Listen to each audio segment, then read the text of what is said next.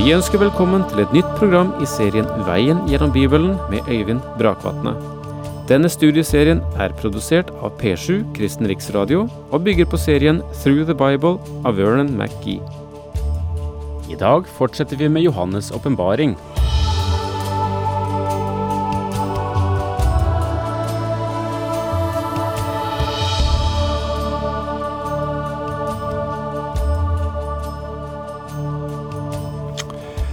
I kapittel 17 i åpenbaringsboken møtte vi det religiøse Babylon.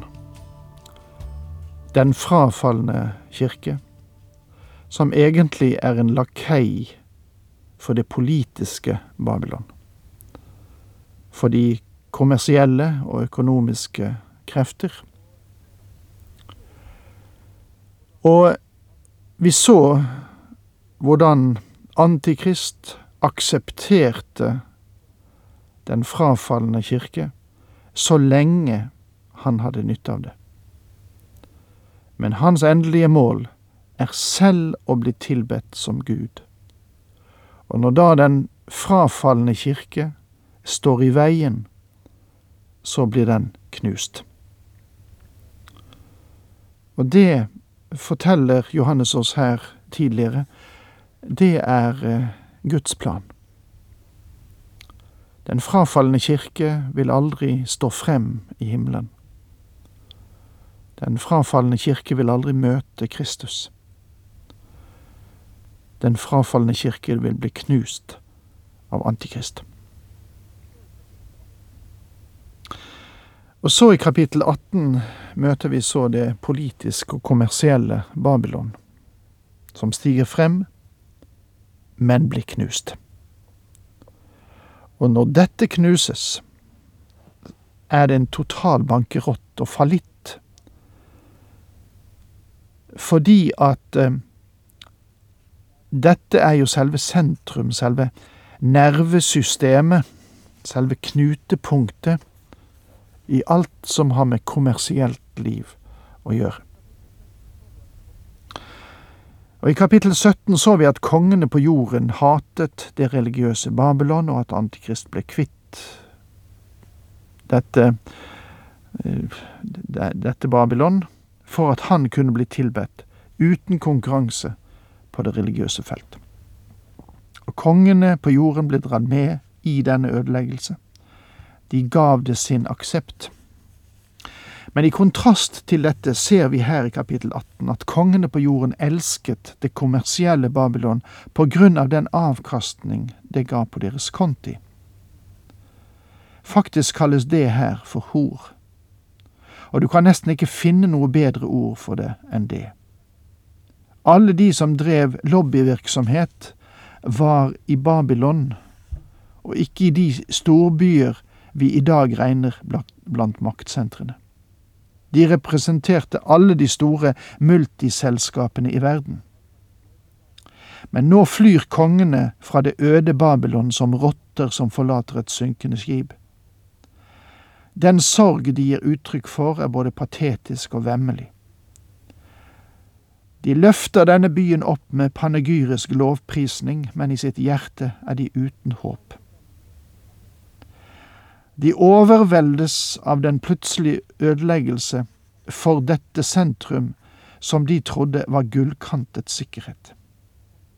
Dommen kom i løpet av en time, som minner oss om den plutselige ødeleggelse som kan forårsakes av en atomeksplosjon, bare for å nevne noe, da. Dette er et rystende bilde som holdes frem for oss, og det er den siste omfattende katastrofe lignende dom som vil føre Kristus til jorden for å opprette sitt rike. Og så går vi videre i teksten, altså fra Åpenbaringen 18, fra vers 11.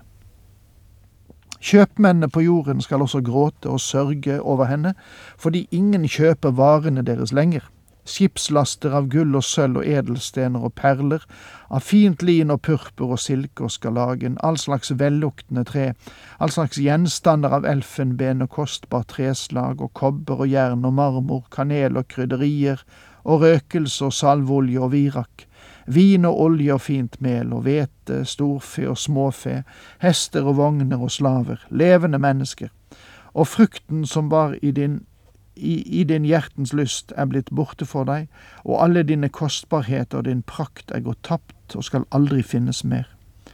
De som handler med slikt, kjøpmenn som har tjent seg rike på henne, de skal stå langt borte i redsel over hennes lidelser, og de skal gråte og sørge og si, Ved, ved deg, du store by, du som var kledd i fint lin og purpur og skarlagen, og som lyste av gull og edelstener og perler. På intime er all denne rikdom gått tapt. Når du leser disse versene, kan du da se for deg at du går nedover hovedgaten og titter inn gjennom utstillingsvinduene og ser for deg dette enorme varetilbud.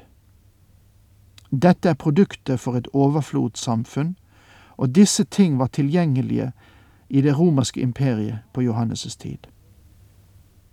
Babylon vil gjøre disse luksusvarene til livsnødvendigheter, på samme måte som vi synes at vi trenger langt mer enn vi egentlig gjør. Her finnes ingen dusin varer eller billig konfeksjon.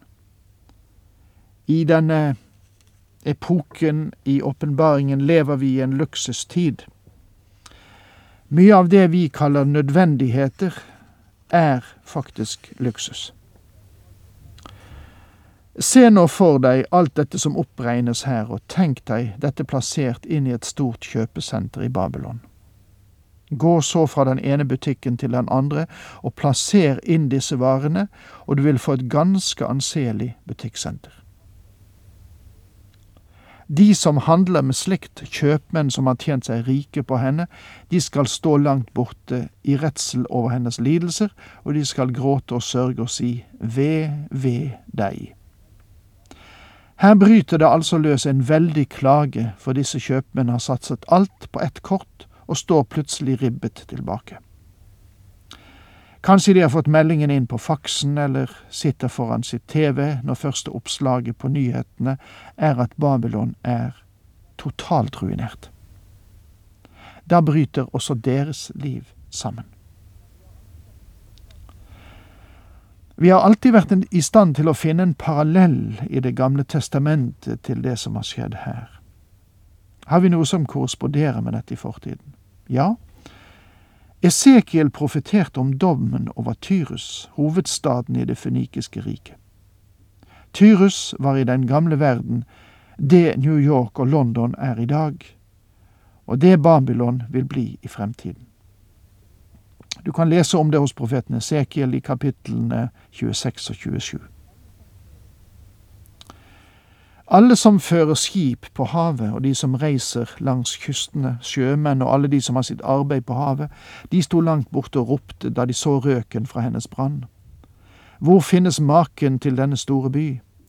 Og de strødde støv over hodet og ropte i gråt og sorg. Ved, ved over den store by, hvor alle som har skip i sjøen er blitt rike av kostbarheten hennes. På en time er den ødelagt. Den tredje delegasjonen i sørgeskaren utgjøres av dem som er engasjert i transport, det offentlige og private transportsystem. De hadde tjent seg rike på å transportere vareflommen fra Babylon, på samme vis som fønikerne hadde gjort det i den gamle verden. Nå er det slutt med all forretningsdrift, plutselig befinner de seg i dypeste depresjon. Alt gikk opp i røk på et øyeblikk, og de, som alle andre, er rystet over den plutselige ødeleggelsen. Alt dette har noe å si oss. Hvordan ser vi på verdens luksus? Ser vi tingene som de virkelig er? Kan vi bruke tingene uten at de besetter, okkuperer vårt hjerte? Hvordan ville du kjenne det hvis all luksus i ditt liv som du nå helst ser på som nødvendigheter, plutselig gikk opp i røk. I dag taler vi om åndelighet, om åndelige ting. Det synes for meg som om vi, også i kirker og bedehus, har gitt verden, i betydningen konsumentsamfunnet, for stor plass. Verden forgår, og de ting du omgir deg med, de forgår også. De store byene i verden blir til intet, men spørsmålet er, ville det knuse ditt hjerte om du så alle disse verdens ting gå opp i røk? Eller er ditt hjerte i himmelen festet ved Kristus? Det er et hav av forskjell på hvor vi har vårt forankringspunkt. Fry deg over hennes fall, du himmel og dere hellige apostler og profeter, for med sin dom har Gud straffet henne for det hun gjorde mot dere.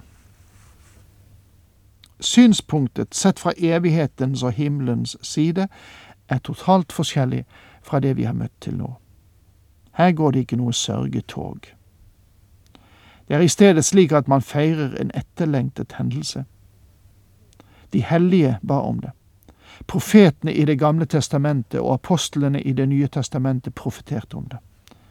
Nå er alt dette fullbyrdet, og det er glede fordi Gud har stadfestet sitt navn. Dom er kommet over disse ting. Hva er ditt hjerte festet ved i dag? Det vil ha en kolossal betydning på den dag, for enten vil du stå sammen med dem som sørger, eller sammen med dem som fryder seg. Da tok en mektig engel opp en stein, svær som en kvernstein, kastet den i havet og sa, Slik skal Babylon, den store by, med ett styrtes ned, og aldri finnes mer. Selv himmelen fester vår oppmerksomhet ved den plutselige og totale utslettelse av Babylon. Som en stein som faller med et plask og forsvinner i dypet, slik skal Babylon raderes bort. Harpespillere og sangere, fløytespillere og basunblåsere, i deg skal de aldri mer høres. Håndverkere av alle slag, i deg skal de aldri mer finnes. Kvernen som durer, i deg skal den aldri mer høres. Lampen som lyser, i deg skal den aldri mer skinne. Stemmen av, stemmen av brud og brudgom, i deg skal de aldri mer høres. For dine kjøpmenn var jordens fyrster, og med din trolldom ble folkene bedratt.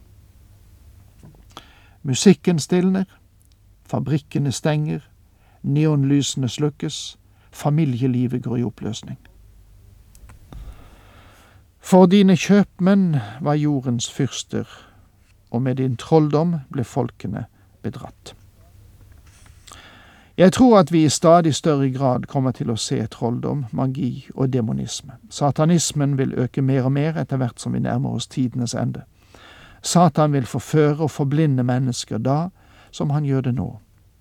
Folkene ser på det ytre, og de begynner å vurdere det åndelige arbeidet også med størrelser og hvor moderne det er. Og det er en av de verste måtene å vurdere det åndelige arbeidet på. Ja, der må vi vel faktisk sette strek for denne gang, så takk for nå. Herren med deg.